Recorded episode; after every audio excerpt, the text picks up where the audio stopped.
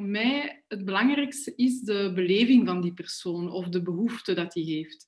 En die behoefte is toch wel echt van, ehm, ja, ik ben niet in een hokje te stoppen, ik heb heel veel interesses, ik ben over veel nieuwsgierig.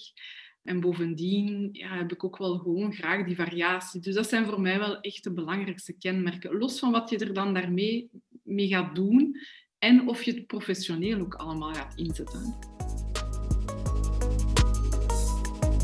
Wat fijn dat je luistert naar de podcast Hoogbegaafd en Liefdespijn, gemaakt door Suzette Lemmers. Ik neem jullie mee op mijn speurtocht naar antwoorden op hoe het is om als hoogbegaafde liefdespijn te ervaren. Als hoogbegaafde wil je vaak rationeel dingen oplossen. Kan dat ook met liefdespijn? Is de bedrading van het brein van de hoogbegaafde anders, waardoor je liefdespijn heftiger ervaart? Dus antwoorden op het gebied van hoogbegaafdheid en liefdespijn en de dingen die hiermee kunnen samenhangen, zoals hooggevoeligheid, trauma en narcisme. Iedere week inspirerende interviews, waardevolle inzichten over wat liefdespijn kan zijn en praktische tips hoe jij als hoogbegaafde met jouw liefdespijn om kunt gaan, zodat er weer liefde in jouw leven kan stromen. Welkom uh, Sylvia, welkom uh, bij mijn podcast Hoogbegaafde Liefdespijn.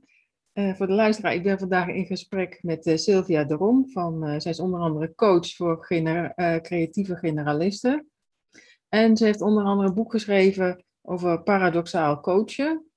Nou, nogmaals welkom Sylvia voordat we helemaal duiken in de wereld van creatieve generalisten, mhm. stel je kort voor en ja, jij noemt eigenlijk de term creatieve generalisten en dan ben ik ook benieuwd van vallen hoogbegaafden eronder. Maar goed, daar komen we zo meteen wel op. ja. Ja, oké, mij kort voorstellen misschien eerst. Um, ja, ik ben dus zoals je zei uh, een coach. Een coach die zich eigenlijk heeft gespecialiseerd in, uh, in generalisme, maar ik bekijk het graag breder en ik, ik noem het vaak gespecialiseerd in veelzijdigheid. Ah. Ik ben niet alleen coach, maar ik zie mezelf ook echt als online ondernemer. Ik, ik coach niet alleen, hè. Ik, ik, ik doe dat heel graag, maar het is niet het enige. Ik doe graag ook nog andere dingen. Ik ontwikkel ook graag programma's en methodieken. Um, daar is trouwens ook het boek Paradoxaal Coachen uit voortgevloeid. Um, dus dat ontwikkelwerk vind ik eigenlijk ook heel, uh, heel leuk om te doen. Ja, en, en wie vallen er onder de groep creatieve generalisten? Ja, dat is een goede vraag. Ja, creatieve generalisten zijn eigenlijk mensen met een breed interesseveld. Daar, daar begint het. Um, verder hebben ze ook ja, vaak een heel grote nood aan variatie, aan afwisseling. En bovendien zijn ze ook nog eens uh, leergierig en nieuwsgierig. Dat zijn zo drie kenmerken waar dat je ze dan echt aan kan herkennen. Ja, dus en, en hoogbegaafden vallen daar dan ook wel onder, toch? Die zijn ook leergierig en nieuwsgierig. Ja, ja. ja. ja inderdaad. Maar gek genoeg is, was mij dat niet van in het begin, was ik me daar niet zo bewust van. Hè, toen ik hiermee begon met dit werk. Uh, het was al sinds een doelgroep die niet bediend werd in de, in de coachwereld. Ah. Niet op andere vlakken trouwens. Ik, ik hoorde daar eigenlijk heel weinig over praten in Vlaanderen en ik denk in Nederland dat dat toen, uh, ik spreek nu van acht jaar terug ongeveer, dat dat toch ook wel uh, niet zo'n druk besproken onderwerp was. Um, maar het is inderdaad pas later, door ook met klanten aan de slag te gaan, dat ik beseft heb dat er wel een heel grote overlap was met uh, hoogbegaafdheid.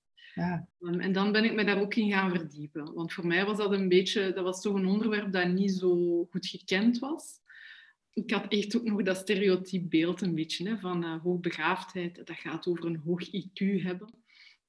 Dus vandaar een beetje mijn misvatting. Maar ik ben er mij dan wel gaan in verdiepen en, en heb dan begrepen uh, waarom ook zij zich aangesproken voelde door, uh, door wat ik beschreef en door mijn werk. Ja. Grappig, hè? Dat je dan zonder... Ja. ja. Er is volgens mij ook wel wat te doen om de term hoogbegaafdheid. Het is... Ja de een zegt van ja, maar dan ben je inderdaad, heb je een hoge EQ, maar dat is ja, een heel klein onderdeeltje van. En het hoeft ook nog niet eens te zijn dat je slaagt voor een hoge IQ-test, omdat er nog wel wat meer uh, aan de grondslag ligt. Hè. Dus, uh... ja, inderdaad. Ja, dat heb ik dan later ook ontdekt hè, door uh, daar ook een, een training rond te volgen, mij te verdiepen in literatuur en zo. Ehm, dat was voor mij wel uh, echt een grote aha. Ja. Zeg, ja, voor mij was het ook vooral gelinkt met een heel hoog IQ hebben. Dus laat staan dat ik ook mezelf ook ooit nog maar de vraag had gesteld van ben ik hoogbegaafd? Dat is een vraag die mij werkelijk nooit uh, in het hoofd is geschoten. Um, maar kijk, ja.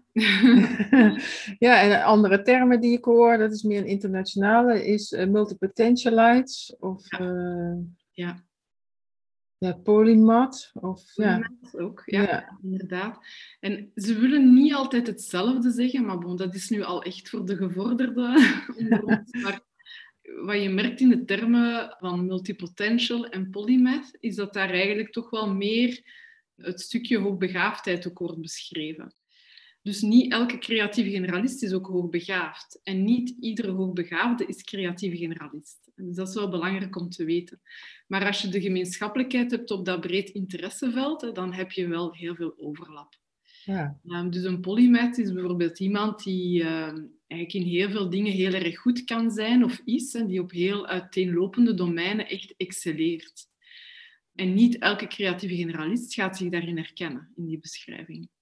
Want ja, kan je nog eens een onderscheid geven, een praktisch onderscheid, wat, ja, waarom je wel of niet onder die doelgroep valt? Ja, het maakt misschien ook niet zo heel veel uit, maar om een beetje het begrip duidelijker te krijgen. Ja, en welk begrip bedoel je dan van creatieve, creatieve generalist? Ja. Um, dat zijn dan echt wel de drie kenmerken die ik daarnet beschreef. Hè. Dat breed ah, interesseveld hebben, nood aan variatie hebben, dat leergierige. Dat wil daarom nog niet zeggen dat je ook effectief excelleert in al die interessedomeinen. Voor mij persoonlijk is dat minder belangrijk. Omdat dat ook wel een enorme druk legt. Hè. Bijvoorbeeld, je kan ook tijdelijk in je leven kiezen om huismama te zijn of huispapa. en misschien heb je dan totaal niet het gevoel dat je hè, aan het excelleren bent in jouw interessegebieden. Buiten misschien hè, de opvoeding van je kinderen ook heel belangrijk is. Maar dus dan ja, dan vallen er heel veel mensen uit de boot. Terwijl voor mij het belangrijkste is de beleving van die persoon of de behoefte dat hij heeft. En die behoefte is toch wel echt van, um, ja, ik ben niet in een hokje te stoppen. Ik heb heel veel interesses. Ik ben over veel nieuwsgierig. En bovendien ja, heb ik ook wel gewoon graag die variatie. Dus dat zijn voor mij wel echt de belangrijkste kenmerken. Los van wat je er dan daarmee mee gaat doen en of je het professioneel ook allemaal gaat inzetten. Dat hoeft ja. ook niet per se. Ja, want je kan dan ook, uh, als je veel interesses hebt, en je werk van maken en je hobby. Zo, uh, ja. Of, ja. of twee, twee soorten werk naast elkaar. Of hoe, ja, hoe kan je oh, het invullen, zoiets?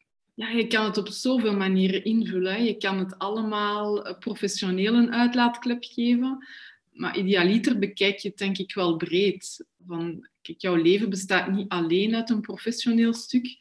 Het zijn dingen die, uh, eieren die moeten gelegd worden. Maar hè, of dat die nu allemaal professioneel moeten gelegd worden, dat, dat is niet altijd nodig. Dus ik denk dat je echt naar het geheel moet kijken. En moet kijken naar ja, wat je ook in je privéleven of, of als vrijwilliger kan doen eventueel. Of um, in de hobbysferen. Dat is, dat is daarom niet minder waard. Hè? Dus ja, ik bekijk het graag uh, breed.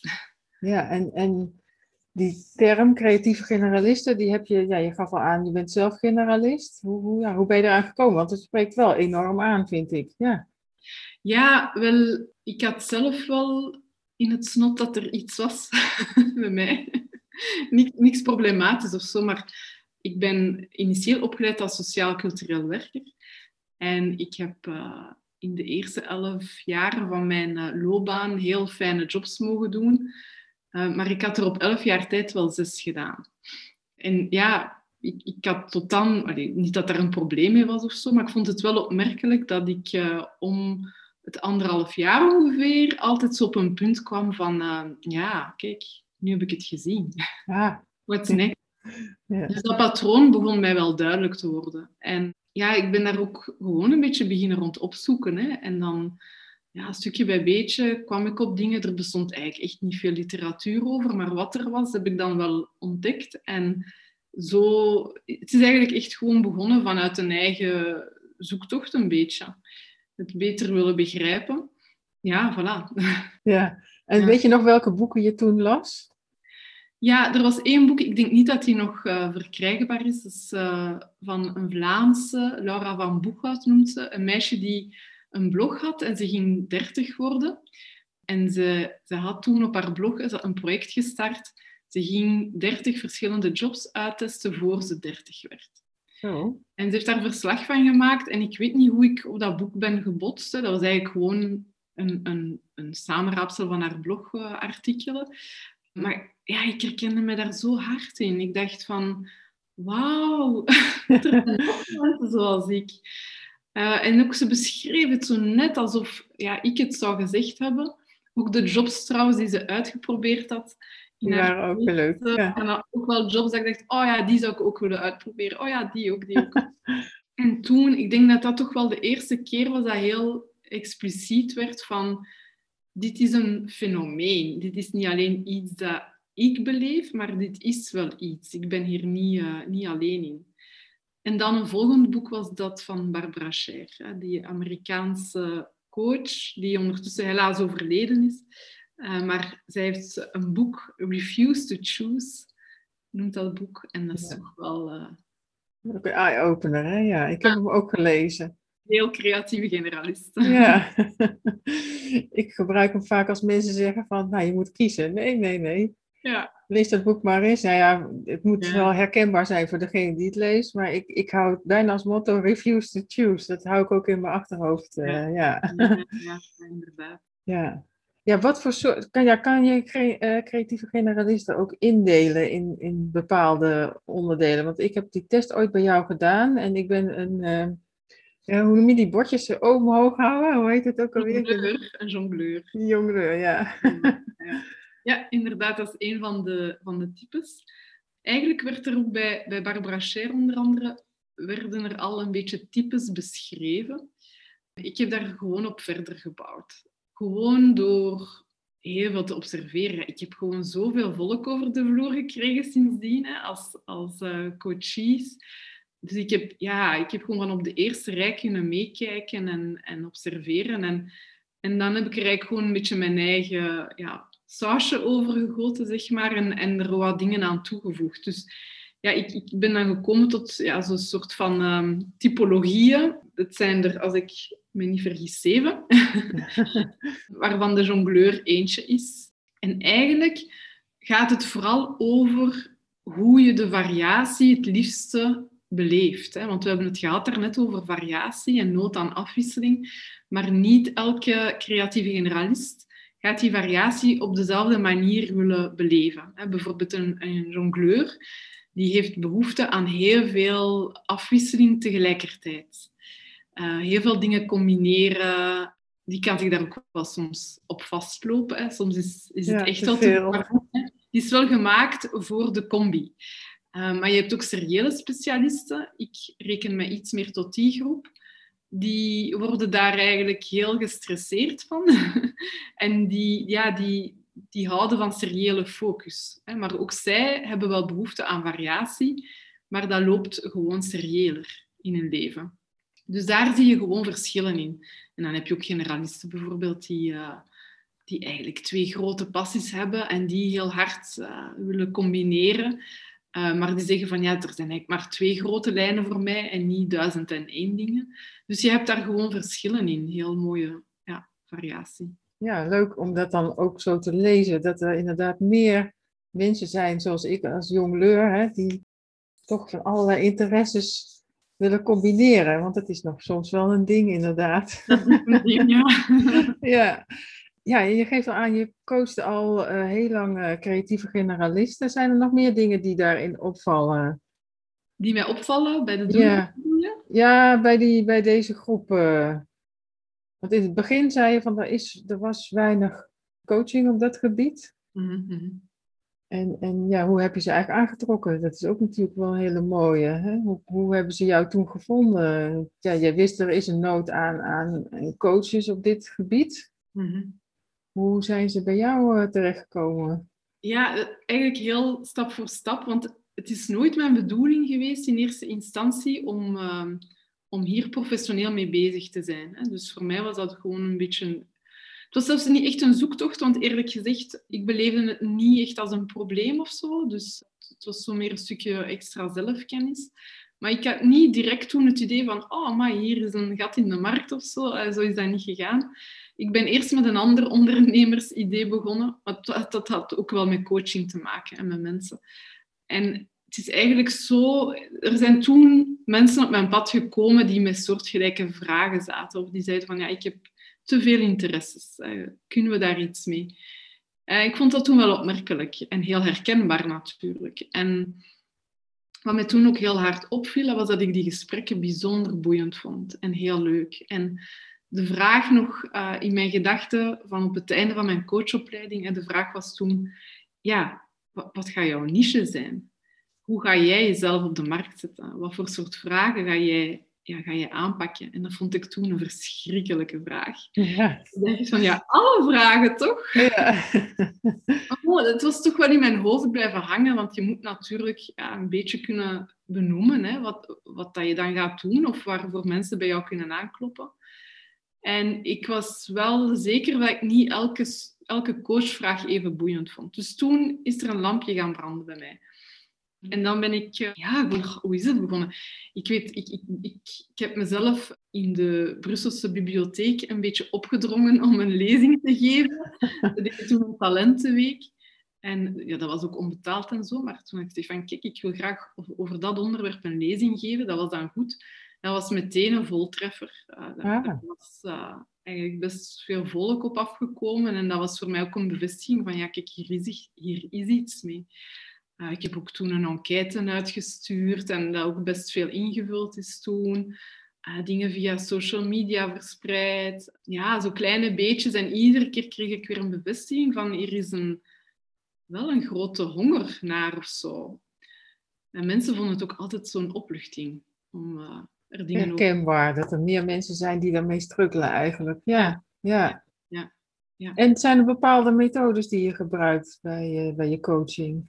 Ja, um, nu het allerbelangrijkste zijn ook, vind ik toch, zijn gewoon mijn coach skills. Dat is ook hoe ik opgeleid ben. In onze opleiding werd er heel hard getraind op uh, coachende vaardigheden en niet op uh, modelletjes of methodiekjes. Of, het ging echt over jezelf, jouw vaardigheden die je altijd bij je hebt hè, en, en dat je van daaruit eigenlijk uh, moet kunnen coachen. En dat is toch wel, dat blijft mijn basis. Natuurlijk zijn er ondertussen wel heel veel dingen bijgekomen en heel veel kruisbestuivingen ook, zoals dat, dat ook wel gaat met creatieve generalisten. Ja. Dus ik denk dat um, als het gaat over methodes, dat ik enerzijds heel veel put uit de positieve psychologie. Hè, zeker heel de talentenbenadering komt daar ook van. Hè, kijken naar wat er wel werkt, wat je wel in je hebt, wat je kan versterken. Maar ook uh, blijkbaar, uh, onlangs wees iemand mij daarop dat ik eigenlijk ook een systemische denker ben, hoewel ik daar niet in opgeleid ben. uh, maar ik denk dat het dan gaat over altijd ja, toch het geheel willen meepakken in een verhaal. Het overzicht over dat geheel hebben en ook gaan kijken naar de onderstroom in een verhaal. Hè. Dus dat, dat, dat doe ik wel degelijk. Hè. En blijkbaar is dat in systemisch denken. En ik heb er dan ook natuurlijk mijn eigen methodieken en, en uh, brillen rond ontwikkeld. En paradoxaal coachen is daar één van. Hè. En dan moet ik zeggen, ja, dat, dat gebruik ik zelf ook bijna continu. Het is een fantastische manier van kijken naar complexiteit. Mijn doelgroep komt heel vaak met complexiteit binnen. Dus ja, ik gebruik dus ook mijn uh, eigen methodiek.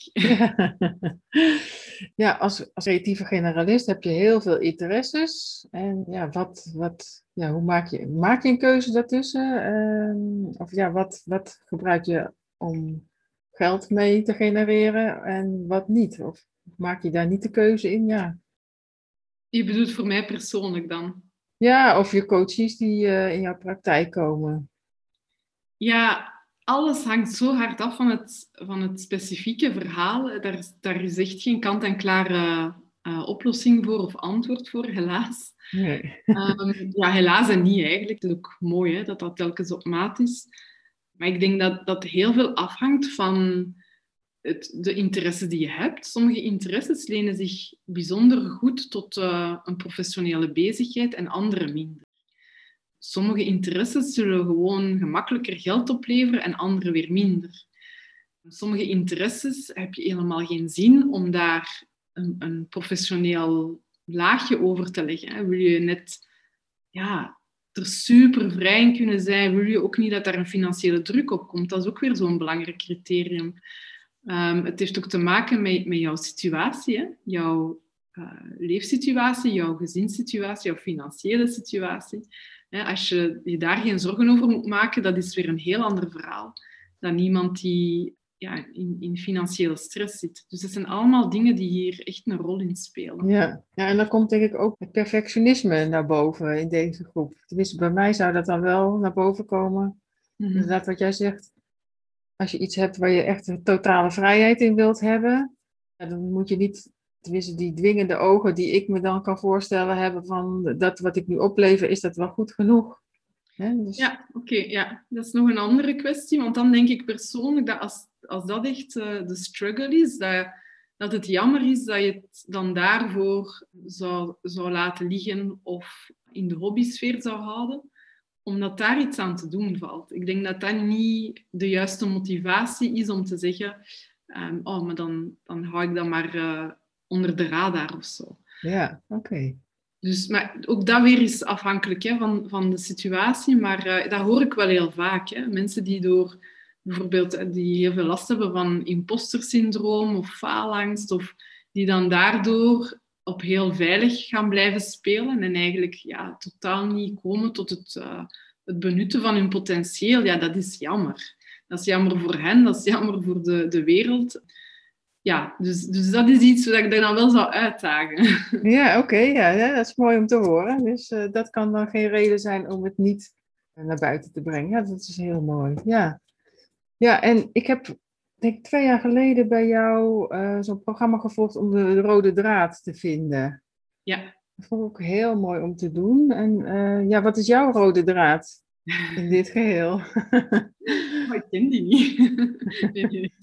ja, mijn rode draad is... Ik heb verschillende versies. Dat is ook belangrijk om te zeggen. En dat is ook heel goed van dat te hebben. Eigenlijk, als ik zo echt kijk naar alles wat ik tot nu toe gedaan heb, professioneel, dan draait het heel veel rond veelzijdigheid.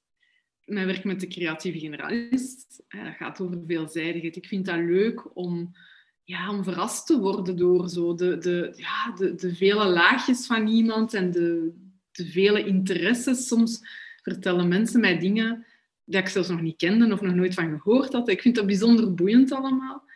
Uh, maar mijn werk rond, rond polariteiten en paradoxen, dat gaat eigenlijk ook wel over veelzijdigheid. Over al die kanten kunnen laten zijn, over uh, ja, niet of, of te gaan denken. Dus dat is wel echt een rode draad. En als ik dan echt verder terug ga, dus in het begin in mijn loopbaan werkte ik rond uh, interculturele diversiteit en sociale cohesie in uh, bepaalde moeilijke wijken in Brussel en zo. En wat vond ik daar leuk? Maar eigenlijk ook de veelzijdigheid. Die, die, die ja, ik, ik kom ook echt van Brussel. Hè. Dat is sowieso een heel diverse omgeving, maar ja ja, dus die diversiteit die daar heerst, ja, dat, maakt me, dat kan me zo blij maken. Dus eigenlijk eh, ja, is dat toch wel een belangrijke rode draad. Ja, ja. En, en dat paradoxaal uh, coachen, dat, dat heb jij samen met iemand anders opgezet of een boek over geschreven? Ja, Kan je daar iets meer over vertellen? Ja, zeker. Ik heb dat samen gedaan met Ivo Brugmans. Ivo is filosoof, hij is ook consultant.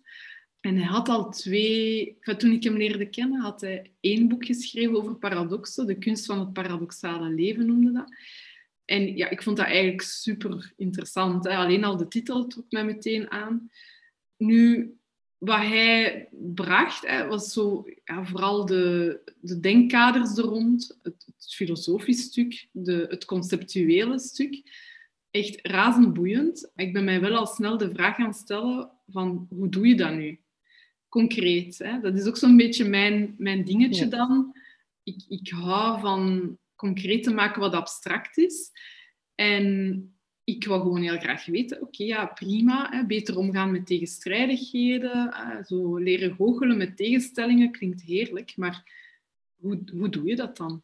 En daar ben ik beginnen rondwerken, ben ik met, met coaches gaan uh, experimenteren, en zo zijn we eigenlijk gekomen tot, tot een heel mooie samenvloeiing van verschillende dingen. We hebben echt in dat boek onze krachten gebundeld, onze talenten gebundeld.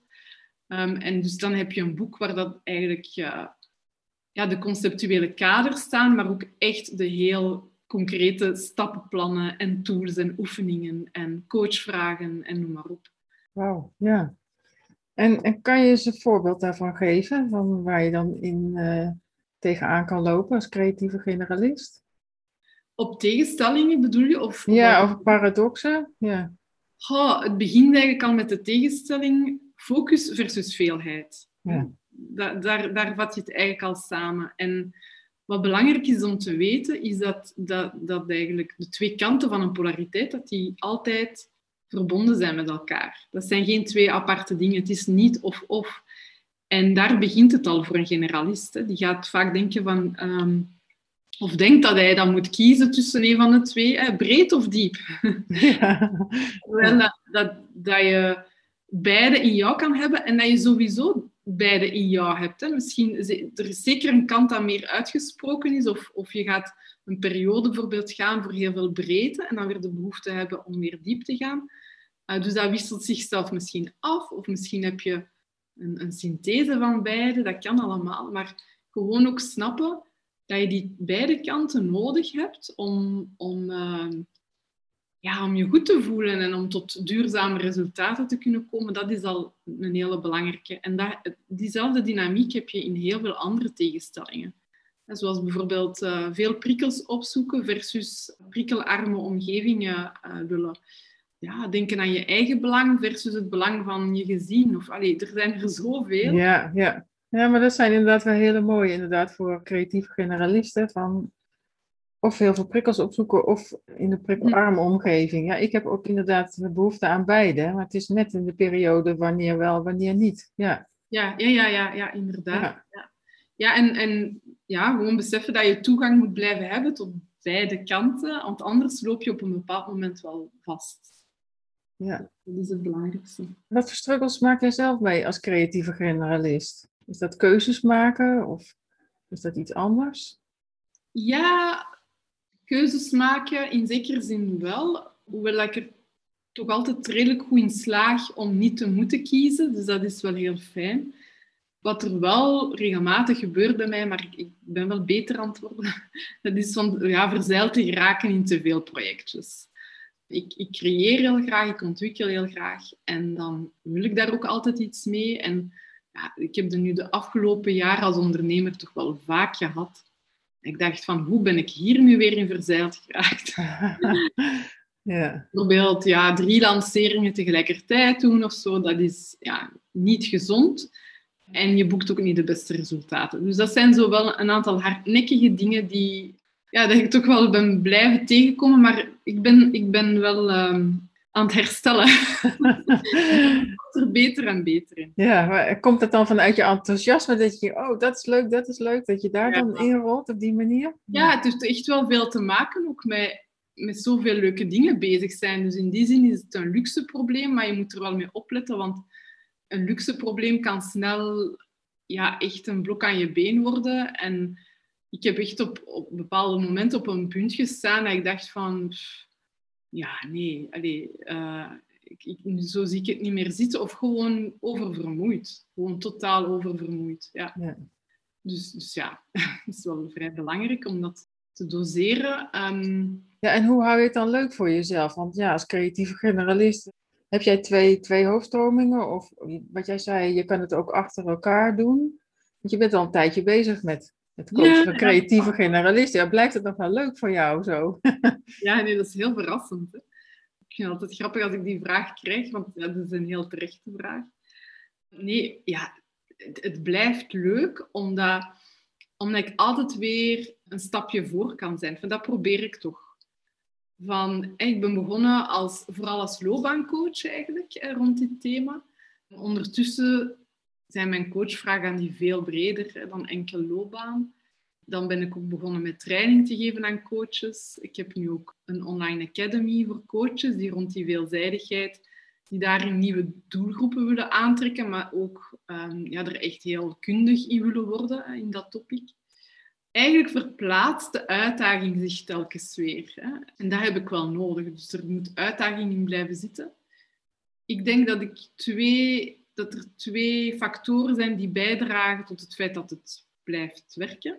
dat is één, die topic is enorm breed. Is gewoon, ja. daar kan zoveel onder horen. Het is ook complex. Mijn klanten zijn ook vaak complex. Ja, ja. En twee, ik ben ook gewoon bezig als ondernemer. Dus dat ondernemerschap is, zorgt echt wel voor uh, telkens weer uitdaging, omdat je, je wilt altijd blijven groeien. Dus dat zijn de twee dingen, denk ik, die maken dat het, uh, dat het zo leuk blijft. En is het voor een creatieve generalist de oplossing ondernemerschap? Of kan je dat ook in werknemerschap? ja, dat denk ik wel. Ja, ja, dat denk ik wel. Ik merk wel natuurlijk, ja, ik heb een vertekend beeld. Hè, omwille van de vragen die bij mij toekomen. De mensen met wie het helemaal goed gaat, die, die hoor ik dan minder. Hè. Maar ik heb wel het gevoel dat de zoektocht daar een beetje, dat, dat die wel moeilijker is.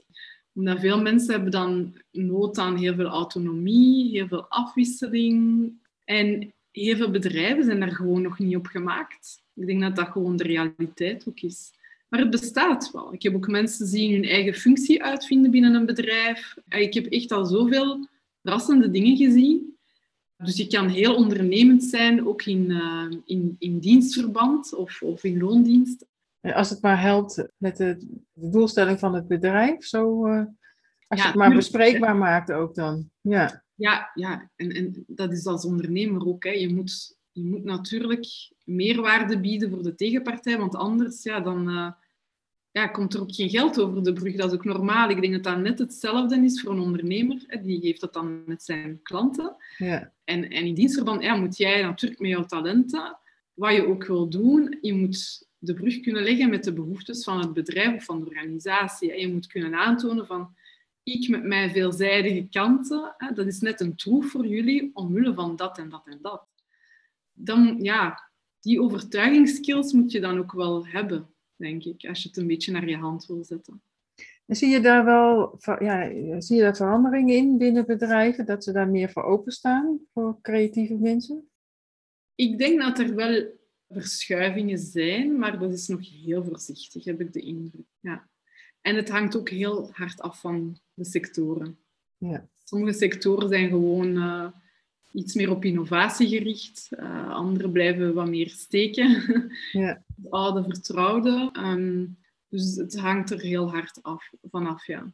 Ja, er zijn dus twee dingen waardoor je uh, de groep creatieve generalisten nog steeds uitdagend vindt. Dan zijn er dan nog andere toekomstplannen die je hebt?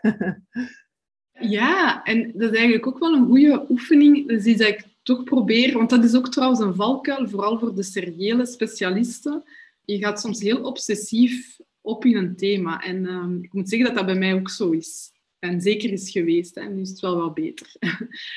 maar ja, ik bedoel, alles wat ik deed of las, of alles ging over die topic. Hè. Ik heb op, de, op die manier wel op heel korte tijd heel veel expertise opgebouwd. Maar zo'n obsessie, alhoewel ik dat ook echt wel nodig heb, ik, ik heb het echt nodig om mij in iets te kunnen vastbijten, maar um, dat heeft ook een downside natuurlijk. En een remedie daarvoor is om altijd te proberen ook met één been buiten je ding te staan. En dat is wel voor mij een uitdaging geweest, omdat ik dat een beetje vergat. Maar dat, ik, daar ben ik nu toch alleszins meer uh, ruimte voor aan het maken. Dus ik heb nog heel veel plannen en ambities voor mijn professionele stuk.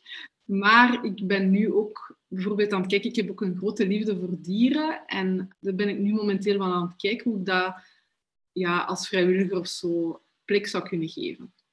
Want je merkt bij jezelf dat je die, dat andere deel, in dit geval wellicht met dieren, dat je dat toch ook nodig hebt om je goed te voelen. Wel, het is gewoon iets dat er, um, dat er een beetje naast staat. Hè? En dat is helemaal prima. Het is ook heel verfrissend voor mij. Ik merk dat, dat dat gewoon heel gezond is om iets te hebben dat helemaal anders is. Dat er gewoon helemaal niks mee te maken heeft.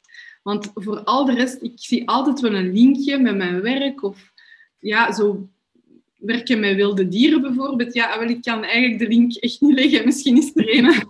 Dus er staan er ook veelzijdige diersoorten of zo. Het is gewoon verfrissend. Eén, het zijn dieren, geen mensen. Ook, ja, ja. verfrissend. En het is ook vooral dan met je handen bezig zijn. Het is niet met woorden bezig zijn. Het is gewoon compleet anders. En, en dat, ja, dat is verfrissend. Nu, het is geen tactische keuze of zo. Ik heb die, die dierenliefde heb ik eigenlijk al van kinds af aan. Dus het is gewoon uh, ja, een mooie combi. Ja. Uh, ja. Mooi. Nou, deze podcast heet Hoogbegaafd en Liefdespijn. Uh, wil jij iets over jouw liefdespijn, wat je in het verleden ervaren hebt, delen met ons?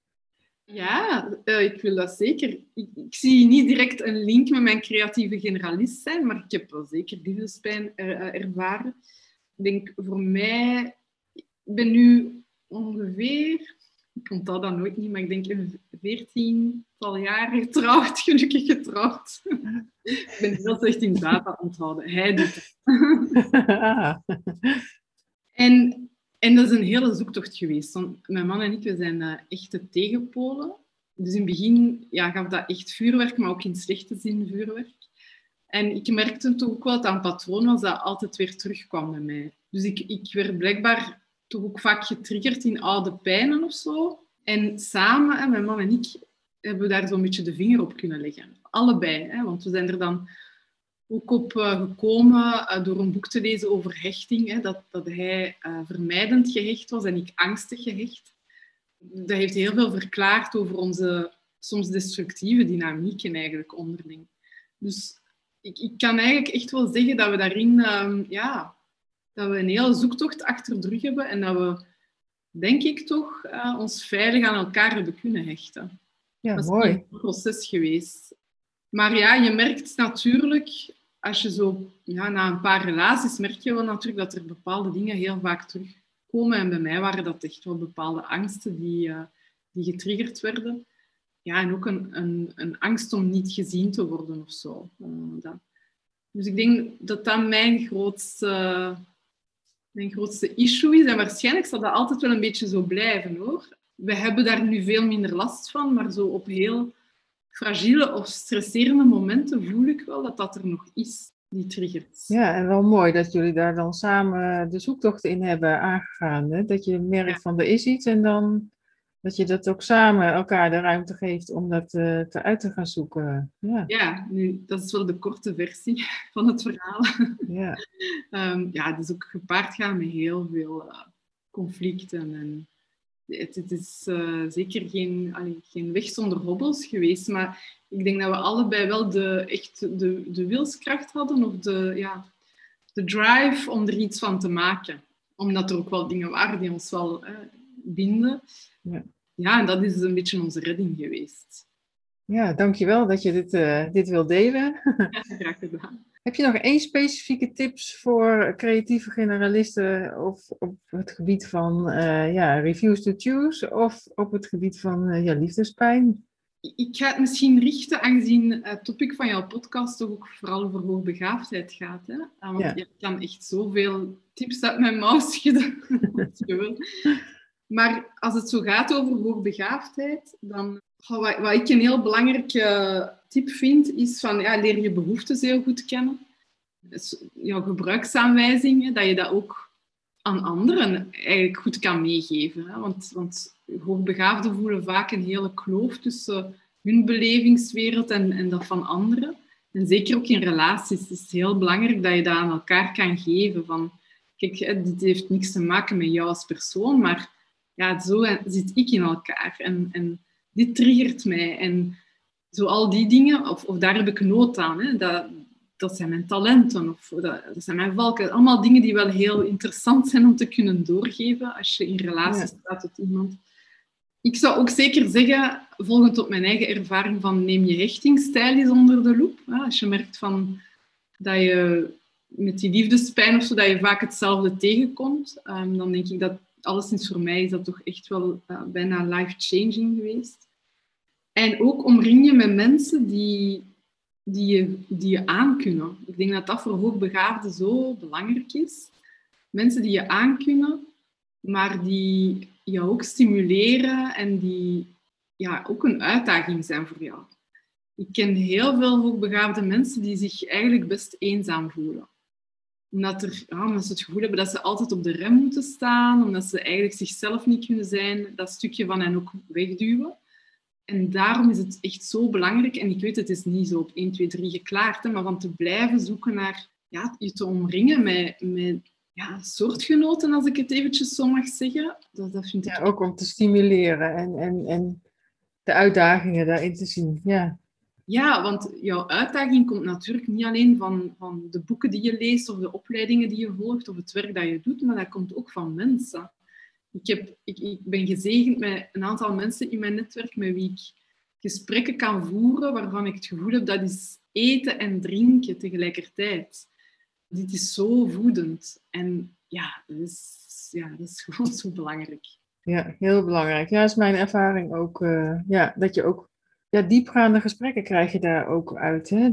Over de onderwerpen die je raken. Ja, heel belangrijk. Ja, en het stretcht je geest. Je kan zo van die gesprekken hebben dat je echt bijna voelt dat je brein zich aan te rekken is. Ja, ja dat is zo'n fantastisch gevoel. Ja. En ik zou ook zeggen, zeker voor hoogbegaafden heel belangrijk, zorg ervoor dat je oefent in fouten maken. Want dat is het stukje dat heel veel hoogbegaafden als kind niet hebben kunnen doen. Leren omgaan met fouten maken, leren omgaan met falen, hè, als je het zo wil noemen. En dat is een skill die ze dan op latere leeftijd nog moeten leren. En als je dat niet doet, dan, ja, dan, dan kan je je dromen ook niet waarmaken of ga je volop potentieel ook niet benutten. Want als je dan altijd in die safe zone blijft, daar gaat het niet gebeuren. Dus dat is echt zo'n belangrijke skill. Ja. En dat kan je oefenen op heel kleinschalige basis. Hè. Je hoeft daarom niet de grootste dingen direct te doen, maar gewoon je blootstellen aan het feit fouten maken. Ja, ja dat is een hele belangrijke. Ja. Kan je zo een praktische tip geven hoe je dat kan doen? Hoe je kan oefenen in fouten maken? Ja.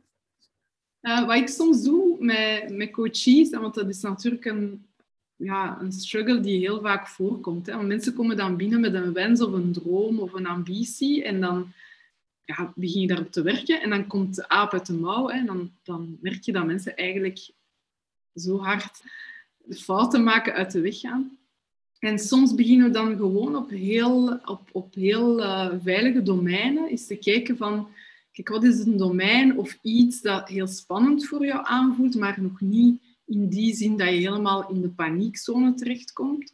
Dus dat kan dan zijn, ja, bijvoorbeeld voor sommige mensen kan dat zijn een durven hulp vragen rond iets. Um, het kan ook zijn dat je, dat je je inschrijft voor een bepaalde cursus, waar dat je toch wel van denkt van, oh, dat heb ik nog nooit gedaan, daar ken ik niks van. Dit ga ik niet kunnen bij aanvangen. Ik ga dat echt moeten leren en ik ga moeten, ja, soms ook ook fouten moeten maken dan ook. Ja, dus, Dat, maar, dus dat moet je wel hebben. Hè? Want als het iets is waarvan je denkt, ja, dat is een makkie, dat ga ik ja, direct onder de knie hebben, ja, nee, dan schiet het zijn doel voorbij. Dus soms begint het met zo'n dingen. Dus ben je op heel andere domeinen bezig met fouten maken, maar het is een skill die je zo kan transfereren op andere domeinen. Het gaat echt gewoon over, over ehm, daar niet meer zo bang van zijn. Hè?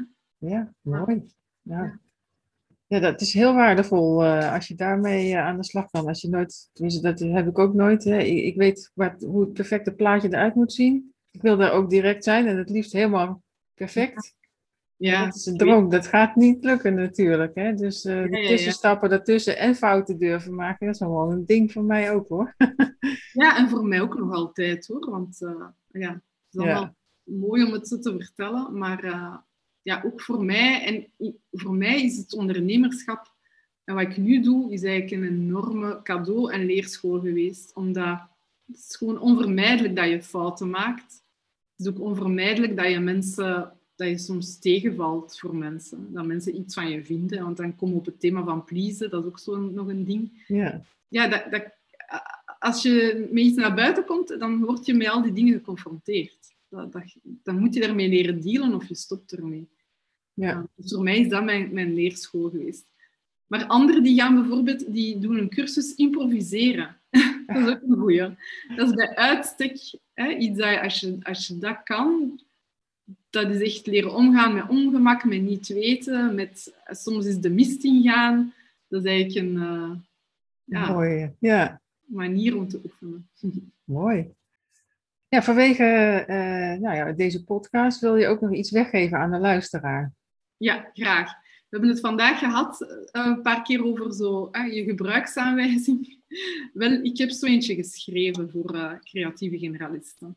Dus ik heb dat de bijsluiter genoemd van de creatieve generalist. En daar vind je ja, een, een, een, overzicht van veel voorkomende talenten, de typebeschrijvingen vind je daar ook, loopbaanmodellen die dan geschikt zijn voor creatieve generalisten, uh, belemmerende overtuigingen, waar creatieve generalisten vaak mee te maken hebben. Kortom, zo'n beetje echt uh, ja, de, de beginnershandleiding.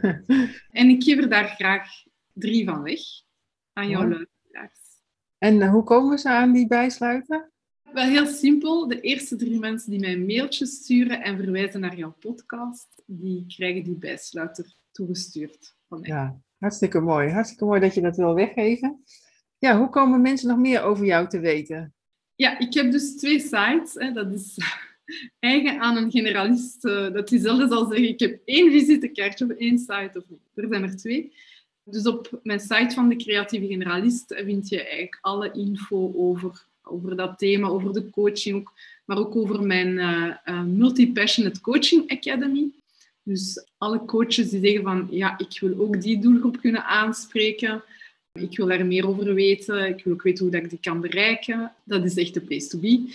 En dan op de site van Paradoxaal Coachen vind je alle info rond onze methodieken en zo, rond het uh, werken met uh, tegenstrijdigheden en polariteiten. Je kan op die site trouwens ook allerlei uh, tools en zo downloaden gratis. Ah, mooi. Ja. De moeite. Hartstikke mooi. Nou, dankjewel Sylvia voor dit uh, nou, veelzijdige en diepgaande interview. Mooi, dankjewel. Heel fijn. Bedankt dat je luisterde naar deze podcast Hoogbegaafd en Liefdespijn.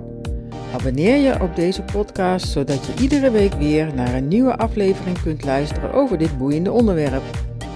Meer informatie over hoogbegaafd en liefdespijn vind je op justchange.live. Heb je suggesties over wie ik zou kunnen interviewen over deze onderwerpen? Laat het me weten via suzette.lemmers.gmail.com. Graag tot de volgende podcast Hoogbegaafd en Liefdespijn.